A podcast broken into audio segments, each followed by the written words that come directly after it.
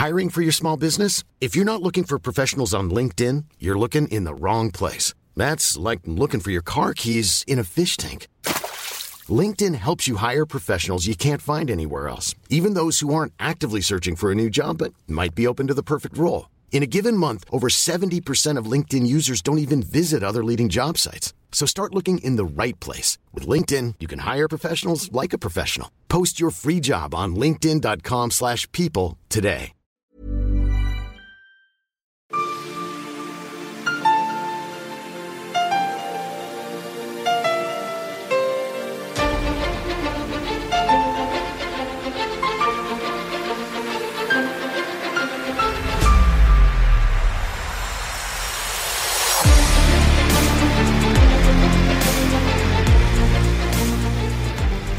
Du lyssnar på Militärsnack, podcasten där militära saker blir lätta att fatta.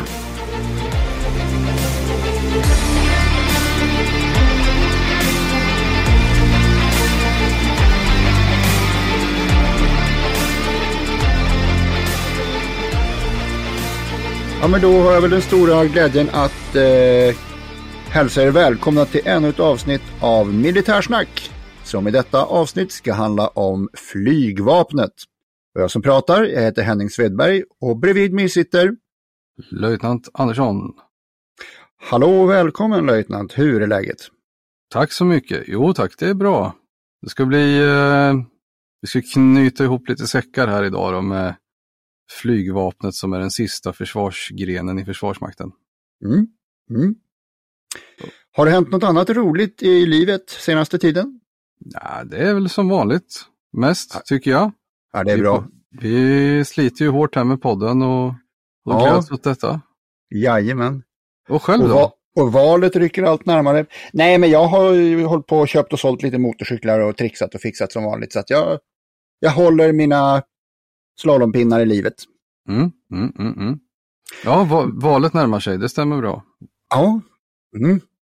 Du, eh, vi ska prata om flygvapnet och jag antar att du har luften full av saker att säga här. Mm.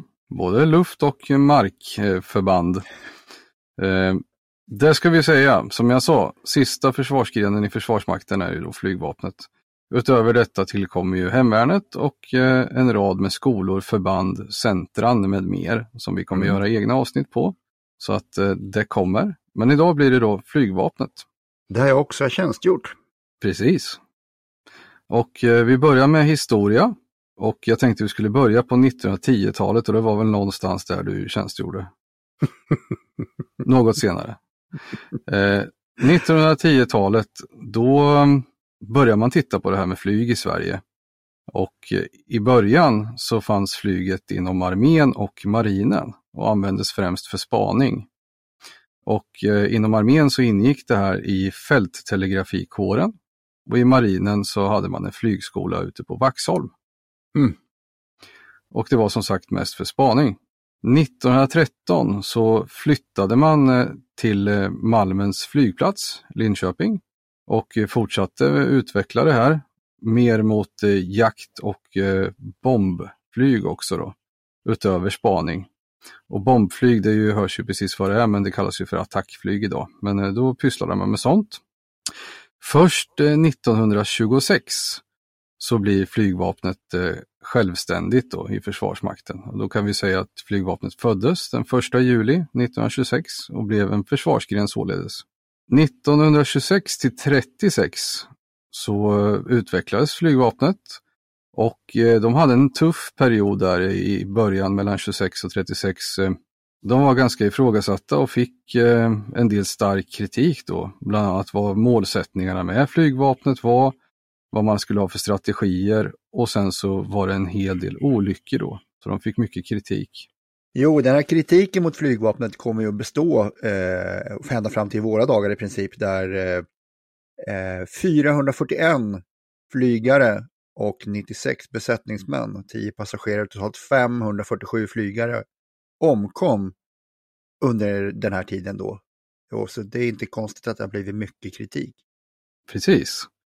Man hade även stor materiellbrist och eh, man eh, rådde bot på det genom att eh, skaffa 18 nya flygplan då. bland annat svenska, Aero J5 och J6 eh, Jaktfalken.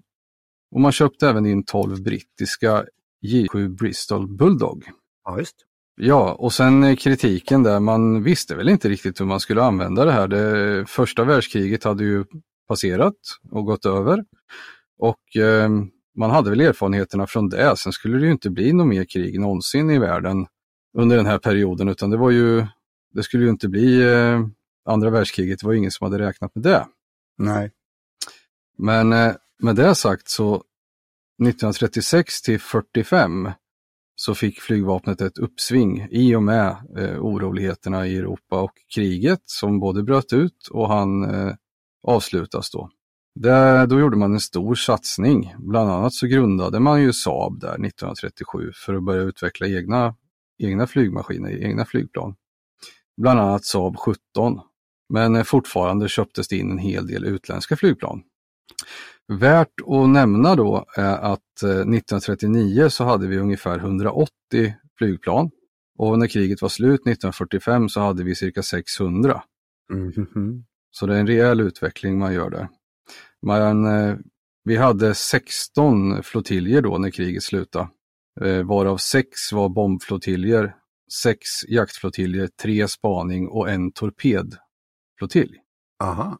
Sen i efterkrigstiden, eh, man kan väl säga att glansdagarna började där under, under kriget 36-45, men sen så de riktiga, riktiga glansdagarna blir ju efter kriget här när man bestämmer sig för att eh, bibehålla och utveckla det här under kalla kriget. För vi blir ju så otroligt duktiga via Saab.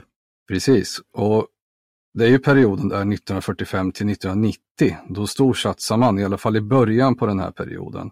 Och eh, man säger ju att i början på 50-talet så hade vi världens fjärde största flygvapen med cirka tusen plan. Mm. Och det är de här planen som, eh, som alla känner igen. De här klassiska J29 Tunnan, A32 Lansen, J35 Draken och så vidare. Mm.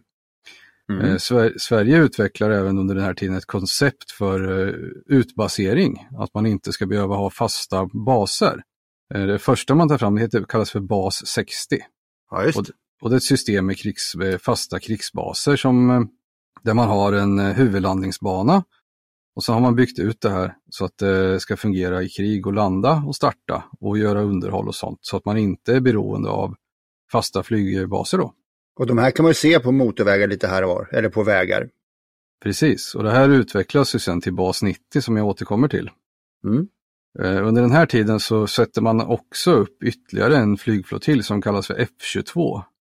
Och eh, det är ju för att kunna flyga i Kongo mellan eh, 1961 och 64.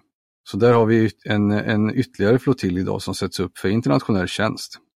Sen hade vi faktiskt en flottilj som hette F19 som då var den svenska frivilligflottiljen som flög i Finland under andra världskriget, eller eh, faktiskt vinterkriget. Ja, precis. Så det har ju hänt eh, tidigare, men då hade vi som sagt F22 Kongo då, 61-64. Sen kommer vi in i en eh, mellan 1990 och 00 mer i en period av nedrustning. Där man, eh, det stora stålbadet som gäller hela Försvarsmakten egentligen, där man börjar nedrusta och lägga ner massa flottiljer och system. Eh, sen kommer vi in i ytterligare en period 00 till 05 egentligen och det hela Försvarsmakten är väl ungefär generellt sett kan man säga att efter 05 så kunde man inte ta bort så mycket mer. Och sen har det ju varit still och sen har det återuppstått grejer nu i modern tid, 2016, 17, 18 och så vidare.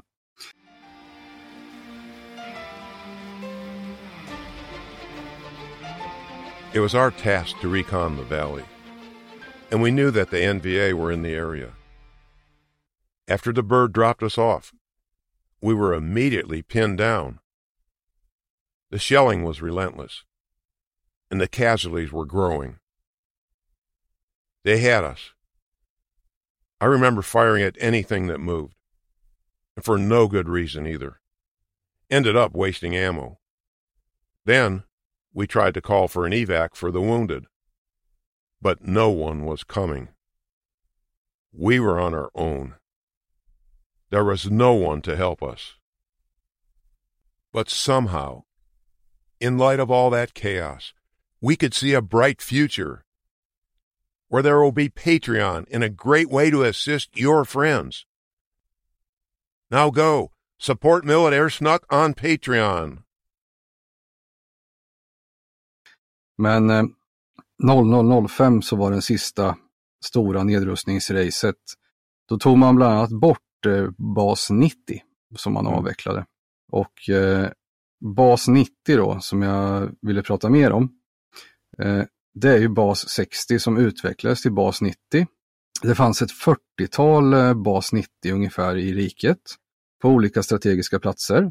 Och eh, de bestod av en huvudlandningsbana och sen fanns det ofta kortbanor till det, eh, upp till fyra stycken som hette, ja de kunde heta A, B, C, D till exempel, med kortare banor för att eh, den här huvudbanan var ju längre. Det var ju på tiden med andra flygplan. Sen fick vi ju Viggen och JAS och sånt där som kunde landa, landa och starta på kortare banor. Mm. Men väldigt utbyggt med flygplansfickor. Det har säkert någon sett när de har åkt på någon, eh, helt plötsligt när man åker på en väg så har vägen blivit bredare. Och eh, i slutet på den här breda vägen eller i början så är det små fickor. Man kan eh, fyrkantiga asfaltsplaner man kan parkera flygplan på till exempel. För klargöring och liknande. Precis. Eh, De var till och med förberedda med, i vissa fall med kamouflagenät, som, eller i alla fall vajrar som man kunde hänga kamouflagenät på och sånt där. Jaha, Och, pla, och, pla, och planen var ju målade i de färgerna. Man kan se gamla Viggenbilder att eh, nu för tiden är ju flygplanen eh, gråa. Mm. Då fanns det ju kamouflagemålade i klassiskt svenskt eh, M90-kamouflage. då. Ja, Just så snyggt, så vackert. Jajamän. Det fanns ju som sagt ett 40-tal sådana här eh, Bas 90 eh, Eh, och de utgick ifrån något som heter Basbataljon 85. Och det, för det krävs ju en hel del utöver att piloten landar med sitt flygplan. Så hade man då en basbataljon och eh, den bestod ju av en bataljonsstab som ledde det här. Den hade ett stabskompani och den var ju de som ledde själva flygverksamheten. Eh, stab, den vanliga staben ledde ju bataljonen så att säga. Sen fanns det ett eh, stationskompani. Det var ju de som pysslade med tankning, klargörning, omladdning och sånt. Det fanns eh, markförsvarskompani, som det fanns eh, närskydd och det fanns eh, flygbasjägare. Flygbasjägarna på den tiden de pysslade med försvar av de här baserna långt ut och närskyddet närmare så att säga. Och idag har ju flygbasjägarna en annan roll. Okej, det här har förändrats alltså. Ja, precis som kustjägarna som vi har pratat om, de ändrade bytte ju roll då. Men flygbasjägarna har ju övergått ifrån det här basskyddet till, till andra förmågor som de har nu för tiden. Mm. Det fanns ett skyddskompani också som pysslar med NBC-skydd, alltså gas och nukleära biologiska stridsmedel och sånt som skulle skydda mot det. Och det fanns eh, fältarbetskompani och underhållskompani så man kunde laga och reparera banor och så vidare och sen ha egen, eget underhåll. Då. Så det fanns en hel bataljon, som, eller en, det fanns flertalet, som, men en sån här bataljon kunde ju sätta upp en sån här bas 90 på kort tid. Med, de hade hög rörlighet och fullt motoriserade och kunde anlända och göra klart en bas och sen kunde man starta och landa. Ja, Ja, och så har vi givetvis flygvapnet idag. Och Mm. eh, jag tänker inte redogöra för i detalj vilka flygplan som står på vilken plats som helst och incidentberedskap och sånt, men ungefär så kan man säga att det finns stridsflygsförband eh, och det är de som har eh, hög slagkraft mot eh, mål på marken, i luften och eh, på havet. Och de kan även pyssla med underrättelseinhämtning. Och de har ju ständig incidentberedskap för att hävda vår territoriella integritet som det heter. mm. Mm. Sen har vi ju stridsledning och eh, luftbevakningsbataljoner som eh, håller på dygnet runt, året runt. Eh, de övervakar ju det svenska luft, luftrummet då. Och eh, de producerar och distribuerar luftläget som det heter. Och de stridsleder flyg, eh, flygstridskrafterna och samordnar dem. Sen har vi våra transportflygförband. De eh, genomför givetvis flygtransporter och kan användas eh, utöver för Försvarsmaktens behov då, i humanitära insatser nationellt och internationellt. Då. Sen har vi våra signalspaningsflygförband. De genomför signalspaning och underrättelseinhämtning. Och vi har även radarflygförband och de används väl egentligen främst för att liksom komplettera lägesbilden eh, i och med att vi har fasta eh, markburna eller markbundna radarstationer och även sjöburna sensorer. Så då har vi det från flyg också för att skapa en bild, komplettera. Mm. Vi har ju en, en gammal, eh, jag ska inte säga tradition, det vore fel att säga, men det finns från 50-talet så finns det en historia jag tänkte vi skulle göra en podd på framöver. Och det är att vi hade våra Mustanger och Spitfire som flög upp till eh, Murmansk och gjorde mm. flygfotouppdrag över ryskt territorium. Precis, det har du berättat om och det kommer du få göra i podden också för jag tyckte det var väldigt bra historia. Mm. Det här är spännande. Rafflande om jag får be. ja, en rafflande historia som vi väntar på med spänning. Jajamän. Ja, vidare då så har vi ju helikopterförband eh, i form av helikopterflottiljen. Och eh, de har både mark och sjöoperativ inriktning, det vill säga de kan flyga helikopter både över mark och över sjö. Och eh, de har ju sina olika helikoptertyper och de genomför militära operationer både internationellt och nationellt. Och sen har vi våra basförband och huvuduppgiften för dem är ju att stödja stridsflygförbanden samt upprätthålla och drifthålla flygplats. Ungefär lite som bas 90 fast det, vi pratar mer fasta anläggningar. Mm. Men även har, vi har ju även förmågan fortsatt att landa och starta på väg. Den har inte försvunnit. Nej, det är helt fantastiskt. Det är vi väl, jag skulle inte säga helt unika med, men det är väl inte så många flygvapen som kan operera på det sättet. Jag vet inte hur det ser ut internationellt, men vi, vi har ju liksom byggt upp att den förmågan måste ingå. Och jag tror det är väldigt, väldigt klokt. Det här ser man ju i, i, i Ukraina idag. Nu finns det väl egentligen, det säkert, finns säkert eh, information som är, är hemlig, men öppen information finns det extremt lite om Ukrainas flygvapen. Det vi vet är väl egentligen att de, de fortsätter att flyga och de, mm. for, de fortsätter att genomföra sin verksamhet. Mm. Så någonstans har de ju gömt undan sina flygplan och lyckas eh, underhålla dem och eh, tanka dem och ladda dem och genomföra flyguppdrag och ha underrättelser. Mm. Nu ska de få MIG-29 av Polen och av eh, Tjeckien, eller var det Slovakien, något av dem. Och då får de gamla MIG-29, ryska mm. kärror, som faktiskt lite sinnrikt är gjorda så att du kan ju inte landa på vanliga osopade eh, vägar så att säga med flygplan som det amerikanska F16 som ser ut som det har en stor glad mun, ett luftintag under flygplanet. Mm. För kommer du så nära marken med det, då, sopar, då suger du upp en massa skräp. Och MIG-29 har här att det kan alternera, eh, suga in luft ovanifrån om den ska landa på smutsiga banor. Och sen kan den vrida om de här spjällen så att den tar luft nerifrån när den flyger istället. Mm, smart, det är mer fältstarkt system. Ja. Ja, vi ska väl eh, nämna vad vi har idag också. Vilka förband mm. som vi faktiskt har.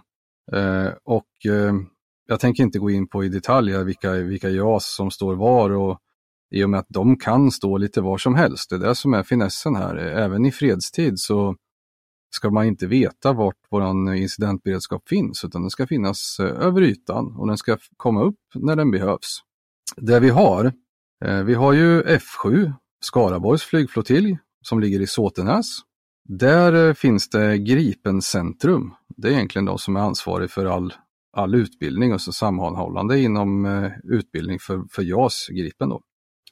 Det är även de som skickar personal till våran vårt deltagande i Heavy Airlift eh, Wing. Så det här internationella samarbetet med de här stora transportflygplanen. De flyger väl C-17 Globemaster? Jajamensan, stämmer bra. Stora grejer. Det är stora grejer. Och eh, F7 är även ansvariga för den, de Gripen-delar som finns i Thailand för utbildning. Okej. Okay.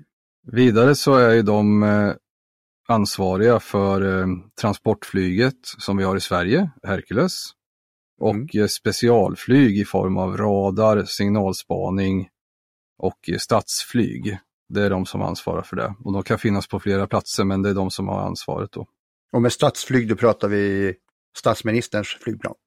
Precis, nu har ju inte vi någon Air Force One i alla fall. Som, eh, jag vet inte hur många de har i USA men det finns ju mängder med flygplan till presidenten där. Mm. Ja, som sagt, Air, Air, Force One har ju USA men vi har väl eh, regeringsplanet då och eh, de här kan ju flyga till exempel regeringsmedlemmar och så, eller kungafamiljen. Mm. There's never been a faster or easier way to start your weight loss journey than with plush care. PlushCare accepts most insurance plans and gives you online access to board-certified physicians who can prescribe FDA-approved weight loss medications like Wigovi and Zepbound for those who qualify. Take charge of your health and speak with a board-certified physician about a weight loss plan that's right for you. Get started today at plushcare.com slash weight loss. That's plushcare.com slash weight loss. plushcare.com slash weight loss. Hiring for your small business? If you're not looking for professionals on LinkedIn, you're looking in the wrong place. That's like looking for your car keys in a fish tank. LinkedIn helps you hire professionals you can't find anywhere else, even those who aren't actively searching for a new job but might be open to the perfect role. In a given month, over 70% of LinkedIn users don't even visit other leading job sites. So start looking in the right place. With LinkedIn, you can hire professionals like a professional. Post your free job on linkedin.com slash people today. Sen flyttar vi oss eh, närmare Stockholm, F16, Upplands flygflottilj i Uppsala. Mm, där har jag varit mycket. Där har du varit mycket och där har de, eh, pysslar de med stridsledning och luftbevakning. De har Mm. det stora övergripande ansvaret. Sen eh, är det F17 i Blekinge, Blekinge flygflottilj i Ronneby. Där eh, utöver ordinarie verksamhet så har man flygbasjägarna som utbildas där och eh, de ansvarar även för bastroppen ute på Gotland i Visby som eh, driftar den militära delen där på Visby flygplats. Och så har vi F21, Norrbottens flygflottilj uppe i Luleå. Utöver deras ordinarie verksamhet så har de eh, ett av världens största eh, flygövningsområden med sidobaser som Vidsel och Jokkmokk och ett väldigt, väldigt stort område som kan utnyttjas för både nationell men även internationella övningar, ganska vanligt. Häftigt. Sen har vi helikopterflottiljen som eh, har sin bas i Linköping, Malmen. Och eh, de pysslar ju med eh, helikopterflygning givetvis, helikopter 1516. Men de har även delar i Luleå som pysslar med helikopter 14 och delar i Ronneby där man håller på med marin eh, flygning eller flygning i marin miljö med helikopter 1415. Och sen har vi luftstridsskolan, även den eh, uppe i Uppsala då, i anslutning F16. Och eh, där går vi in på mer i detalj för vi tänker ju ha ett eget avsnitt om skolor och centrum och med mer i Försvarsmakten. Så jag Just. tänkte inte nämna mer om, om den specifikt. Håll oss på sträckbänken bara. Det är det det handlar om. Men det var eh, egentligen flygvapnet eh, i, enligt militärsnacks eh, så här när vi fortfarande håller på med grunder. Och eh, jag tänker inte prata så mycket mer om flygvapnet utan eh, det var som sagt den sista försvarsgrenen här. Och vi kommer fortsätta i den här takten med hemvärn, skolor med mer. Men det jag måste fråga är, vad skulle du göra med flygvapnet om du fick göra vad som helst? Ja, jag skulle ta fyra stycken attackjakt Viggen fullproppade med allt som smattrar och smäller och, och köra mer på kvantitet än pricksäkerhet och beskjuta fenomenet att man reducerar och lägger ner och stryper flygvapnet. Mm, mm. Det håller jag med om. Och själv då? Ja, nej men jag, um, har du hört Adam Gul? Det är ett gammalt, är- ja Ja, det är en rockband va? exakt. Det här är början av 80-talet. Det är riktigt sån eh, pajig 80-tals eh, rockmusik. Mm. Eh, där man hävdar att de här är från, Adam Gul är från eh, eh, flygflottiljen där, stockholmare såklart, i alla fall eh, flottilj, Huvudstajakten. Eh, Ja. Men Men det är klämkäckt alltså. Och de, Ja. de, har några, de har några tjejer som är med och sjunger där och med krulligt hår och ja, det är klassisk eh, 80-tals eh, Top Gun-era musik. och de här skulle jag ju tvinga Sverige att sända som sitt bidrag till nästa Melodifestivalen, Eurovision. Ja, Ja, jag ja. antar att du ser Eurovision som ett hot då, för det gör jag. Nej, men alltså de ska spela. Eh, Jo, ja, ja, och nej. Men eh, de ska uppträda där och de, de, eh, det finns något klipp på Youtube, det måste man titta på här nu. Eh, Adam Gul, Huvudstajakten. Jag tror de släppte två låtar, den andra heter väl Ballett i Mac 1. Mhm. Men eh, då står de på en, en, en draken och framför det här numret och det vill jag se eh, exakt som det var, fast i Eurovision 2023. Ja, härligt. Och det vi brukar avsluta med det är ju dagens eller veckans datum och vi är ju framme vid den 22 juli. Det är vi. Och jag har faktiskt en liten eh, sån här tröskel i historien där, för 1954 så den 21 juli så var, avslutas andra delen av Genèvekonferensen. Den som hade börjat 8 maj. Där var de deltagande parterna Frankrike, Sovjet, Storbritannien, USA, Kina, Sovjet, eh, sa jag, eh, Laos, Kambodja och Nordvietnam och Sydvietnam. Mm. Som under den här konferensen förhandlar fram om ett eh, krigsstopp där Frankrike skulle ge upp sina sydostasiatiska kolonier. Och det här ledde till att USA började ta mer aktiv del i utvecklingen i den här regionen, vilket sedermera ledde fram till, trumvirvel, Vietnamkriget. Hey, it's Danny Pellegrino from Everything Iconic. Ready to upgrade your style game without blowing your budget? Check out Quince. They've got all the good stuff, shirts and polos, activewear and fine leather goods, all at 50 to 80% less than other high-end brands. And the best part? They're all about safe, ethical and responsible manufacturing. Get that luxury vibe without the luxury price tag. Hit up quince.com slash upgrade for free shipping and 365 day returns on your next order. That's quince.com slash upgrade. Jajamän! Så det var konferensen, Genèvekonferensen i 1954 som ledde fram till det här. Mm, intressant, som alltid. Ja, vi har ju en förmåga att vara jätteintressanta du och jag. Det måste vi vara. Eftersom att folk gillar att lyssna på oss, så det tycker jag är trevligt. Jag hör att det är åtminstone en som lyssnar på oss. Ja, gud vad skintort. Ja, ja men eh, det är ju alltid trevligt att uh, vi har ju lite bättre statistik än en dock. Men, uh, nej, men det är ju skitkul. Det som skulle vara roligt är ju om folk uh, ville stötta oss också. Det skulle vi uppskatta enormt mycket. Ja, det, det, har ju varit lite, lite trögt får vi erkänna, men eh, vår Patreon finns. Patreon, patri, patreon.com, eh, militärsnack. Där man kan stödja oss om man vill slippa reklam eller om man bara vill stödja oss. Och eh, den som är med som Patreon får också samtliga avsnitt, även bonusavsnitten i öronen. Precis. Jajamensan. Och det är lätt att hitta, det lättaste är att gå in på hemsidan då, militarsnack.se, där har vi länkar till precis allt.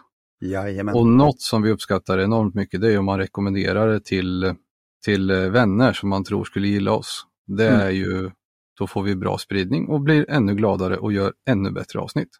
Jajamän, det gör vi. Jajamensan. Ska vi ta det här avsnittets landningsställ och fälla ner dem och sen landa hela avsnittet lite snyggt på den här banan vi kallar? Avsnitt 16 flygvapnet. Jag tycker vi landar på en vägbas. Det gör vi. Jajamensan. Och, då tackar vi så mycket. Tack och hej. Tack så mycket. Hej då, hej då.